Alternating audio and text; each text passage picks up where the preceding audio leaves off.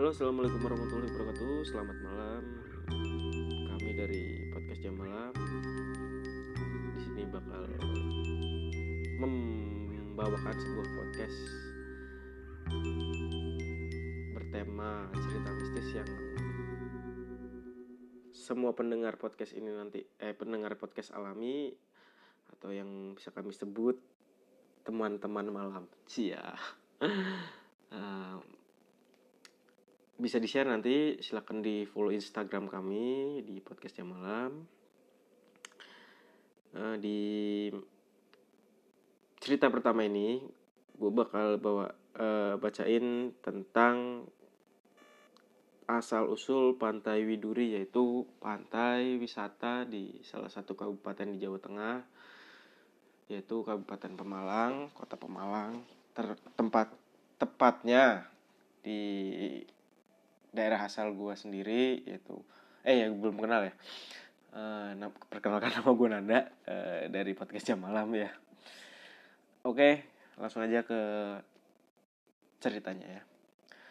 Asal usul asal muasal awal pantai Widuri di Kabupaten Malang pada abad ke-15 di sebuah pesisir utara, utara Jawa Tengah masih memiliki banyak hutan dan rawa Warga yang tinggal di pinggiran daerah itu pun masih sedikit di pesisir yang sekarang menjadi Kabupaten Pemalang itu hiduplah sepasang suami istri yaitu Nyai eh Kaki dan Nyai Pedaring, Pedaringan. Walaupun pasangan ini berbeda jauh usianya namun tidak menghalangi mereka berdua menjalin kasih. Nyai Pedaringan masih sangat muda sedangkan Ki Pedaringan usianya lebih dari setengah abad. Pekerjaan Ki Pedaringan adalah bertani, menanam pala jiwa dan semangka dan lain-lainnya. Intinya uh, si Ki Pedaringan ini dan Nyi Pedaringan atau yang uh, yang nanti bakal dikasih nama Nyi Widuri ini mereka adalah seorang petani ya, teman-teman. Suatu hari Nyi Pedaringan menyiapkan sarapan di gubuknya, sedangkan Ki Pedaringan bekerja di sawahnya yang jaraknya sangat jauh. Tiba-tiba di gubuknya datang seorang pemuda tampan. Ia meminta agar diizinkan untuk masuk ke dalam gubuk. Pemuda itu kemudian masuk e, pemuda, pemuda itu dalam keadaan berdarah di lengannya. Nyi Pedaringan kaget melihat darah lengan di pemuda tadi, seperti ada pusaka kerajaan yang menancap dalam hati ia bertanya siapakah orang ini. Jadi eh, awal ini awal, awal konfliknya nanti setelah ini nih ya. Tak lama kemudian pemuda tadi mengenalkan dirinya. Ternyata dia adalah Pangeran Purbaya, punggawa kerajaan Mataram yang sedang mengemban tugas menumpas pemberontakan yang dipimpin oleh Saling Singan dari Cirebon. Saling Singan ingin menguasai tanah Jawa dari Mataram. Akhirnya Saling Singan dapat dikalahkan dan Pangeran Purbaya pun selamat. Dalam perjalanan menuju Mataram, Pangeran melihat gubuk dan hendak menghampiri untuk mengobati lukanya. Nyai, Pedari, Nyai Pedaringan mencoba mengobat. Nyai Pedaringan pun mencoba mengobati mengobati luka Pangeran Purbaya tersebut. Tak lama kemudian Pangeran Purbaya berpamitan dan meninggalkan sebuah keris sebagai tanda terima kasih sang pangeran berpesan bahwa keris yang bernama Simongklang itu agar dijaga dan dirawat. Diharapkan keris itu dapat menjadi pusaka daerah itu dan yang berhak memiliki adalah anak keturunan keluarga Pedaringan. Siapa pun yang tidak berhak mengambil keris itu kecuali Pangeran Purbaya atau orang yang jarinya pangkas seperti Pangeran Purbaya. Pangeran Purbaya meneruskan perjalanannya ke selatan. Di tengah perjalanan ia harus melewati sungai kecil yang melintang. Bahasa Jawanya uh, Malang ya. Uh, ya seperti itulah. Dari arah timur dan mengalir menuju ke barat ke, yang lokasinya dekat dengan laut. Dia seperti mendapat ilham dari Yang Maha Kuasa untuk menamai daerah tersebut Pemalang. Dan sore hari, Ki Pedaringan pun baru sampai di gubuknya. Ki Pedaringan kesal dan heran karena biasanya Nyai Pedaringan membawakan makanan, tapi sampai sore Nyai Pedaringan tidak datang. Kesal dan curiga melihat Nyai Pedaringan membawa sebuah keris yang biasanya dimiliki oleh seorang lelaki, Nyi Pedaringan menjelaskan dari mana ia mendapat keris itu, tapi Ki Pedaringan tidak mau menerimanya. Biasa ya. Uh, uh, ini kayak konflik. Ya biasalah. Pacaran kayak orang-orang pacaran gitu ya. Kemudian mereka berdua pun berteng bertengkar. Akhirnya Nyi Pedaringan mencabut keris itu untuk membuktikan rasa cintanya. Ia memotong jarinya. Darah segar mengalir dari jarinya yang lentik banget. Nyai Pedaringan bersumpah jika darah yang ia teteskan di bunga widuri yang putih berubah menjadi ungu, pertanda bahwa cintanya masih suci. Bunga widuri itu pun berubah menjadi ungu. Melihat kejadian Ki Pedaringan menyesal dan meminta maaf kepada Nyi Pedaringan. Untuk menebus kesalahannya, Ki Pedaringan menyusul Pangeran Purbaya tapi tak sa tapi sampai saat itu Ki Pedaringan tak pernah kembali juga. Nyai Pedaringan yang dijuluki Nyai Widuri hidup sendiri dengan bayi yang masih dalam kandungannya. Sampai akhir hayatnya Nyai Pedaringan menjadi janda. Sekarang nama Widuri diabadikan menjadi nama desa tempat Nyai Widuri pernah tinggal. Uh, jadi di tempat ini juga ada beberapa kejadian mistis ya, sering lah jadi di Pantai Widuri ini selain ya ini yang pertama tadi legendanya awal mula adanya pantai itu, terus juga di sini juga kayak di alami banyak orang dan gue sempet denger juga ini bukan urban legend juga sih kebetulan ini kejadian mistis yang benar-benar terjadi ya. Yaitu tentang sepasang remaja yang gancet juga. Gue sebet kebetulan waktu itu gue denger cerita ini dan beritanya sempat viral di tahun 2006 itu waktu gue SMP apa ya? 2006 atau 2005 gue SMP itu sempat viral beritanya pasangan muda-mudi ini gancet. Ya intinya mereka sedang melakukan hubungan suami istri di salah satu situs bisa dibilang situs makam Belanda. Ada ada ada yang mau masuk ke wilayah pantai wisatanya itu ada di sebelah mungkin kalau dari sini sebelah barat eh timur jalan timur jalan ke barat. Itu ditemukan sekitar jam 12 siang kalau nggak salah ya.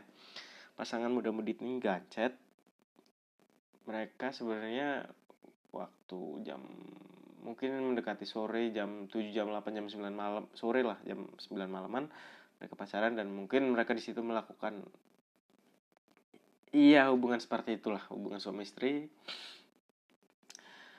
Dan akhirnya terjadilah seperti itu yang menemukan juga eh, pedagang di pantai Widuri itu. Selain itu juga eh, dari teman cerita eh dari cerita teman gue sendiri ada yaitu tentang banyaknya pusaka di wilayah sekitar pantai Widuri tersebut dan ada juga uh, makam salah satu syekh ya bisa dibilang uh, syekh juga di situ. Makam keramat juga di situ. Yang istilahnya makam itu itu memang mempunyai seperti kekuatan yang berbeda dari makam-makam lain lah istilahnya kayak syekh-syekh lain pun. Itu mungkin menjadi titik pusat energi terbesar ya di mungkin bisa dibilang uh, wilayah kota Pemalang di bagian utaranya itu mempunyai satu titik yang satu titik energi yang mungkin lebih besar dari sekitaran. Makam makam keramat itu bisa uh, bernama makam Syekh Maulana Syamsuddin. Dan kebetulan teman gue sendiri ada yang masih keturunannya uh, Mbah Nur Syekh Alam Syamsuddin kalau nggak salah ya kalau mungkin dari teman-teman podcast jam malam nanti yang dengerin podcast ini yang ada di yang ada dari ada yang dari kota Pemalang silakan diralat ya. Mungkin kalau gue penyebutan nama makam Syekh Nur Alam Syamsuddinnya salah diralat ya. Dan waktu zaman itu gue pernah mengalami hal lucu sih. Bisa dibilang ya lucu ya serem sih karena waktu zaman SMP itu gue kan sama temen gue yang masih ada keturunan Syekh Alam Samsudin ini pernah ikut satu bela diri gitu kan. Yaitu bela diri uh, pencak silat. Ya itu ada kebatinan juga ada ilmu kebatinan dan ilmu uh, fisiknya juga lah. Dan tiba-tiba uh, kami mengalami hal yang mungkin bisa bilang lucu sekaligus nyeremin yang waktu itu jam 5 sore saat kita mau pulang dari arah pantai tuh dari keluar dari makam tuh ya jalannya waktu itu naik naik sepeda nih jalan set panturanya nih lumayan agak jaraknya dari pantai ke panturanya itu lumayan jauh lah uh, sekitar mungkin 10 kilo adalah 10 kiloan. 10 eh iya 10 kilo. Eh nggak ada 10 kilo ding. Ya mungkin 5 5 sampai 6 kilo lah dari si uh, makam sampai lampu merah pantura lah. Nah sepanjang perjalanan sih kita biasa-biasa aja awalnya keluar dari makam terus uh, jalan biasa. Nah pas mau ngelewatin ada pemakaman umum di situ. Pemakaman umum yang kalau dari arah pantainya itu pemakaman umum yang pertama ya.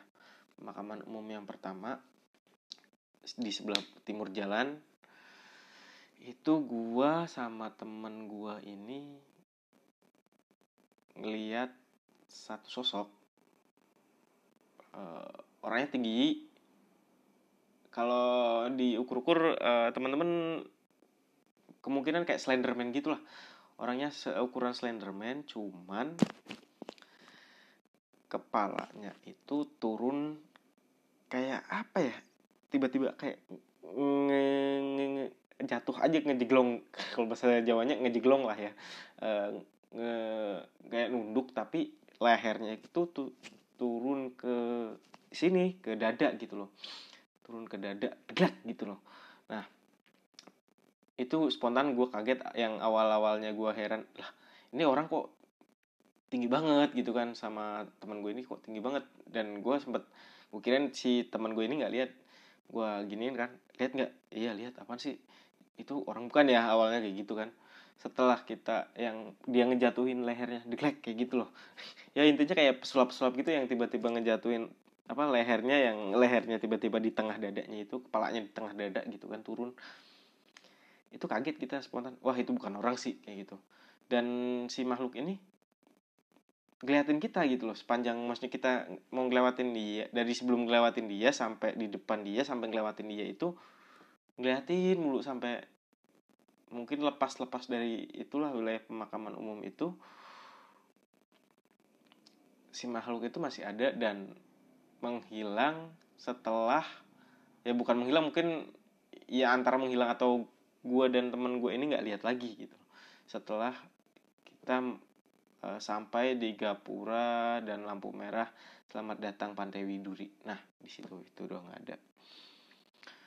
Cuman yang lebih serem uh, kejadian setelah itu sih yang seremnya itu sih bisa dibilang lucu ya tadi ya. Menurut gue pribadi sih agak-agak lucu ya. Uh, setelah itu kita balik ke rumah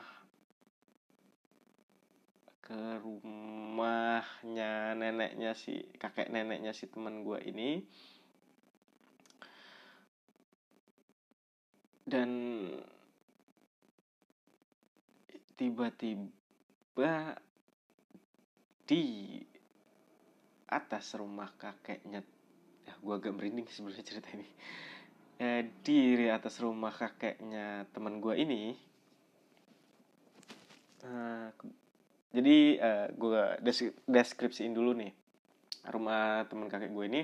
Jadi uh, punya yang pelataran rumah yang ya mas ya rumah-rumah dulu lah ya. Rumah-rumah dulu itu pelatarannya itu kan lebar. Terus ada di samping kiri kanannya itu masih ada pohon mangga. Sekarang sih udah ditebang ya pohon mangganya.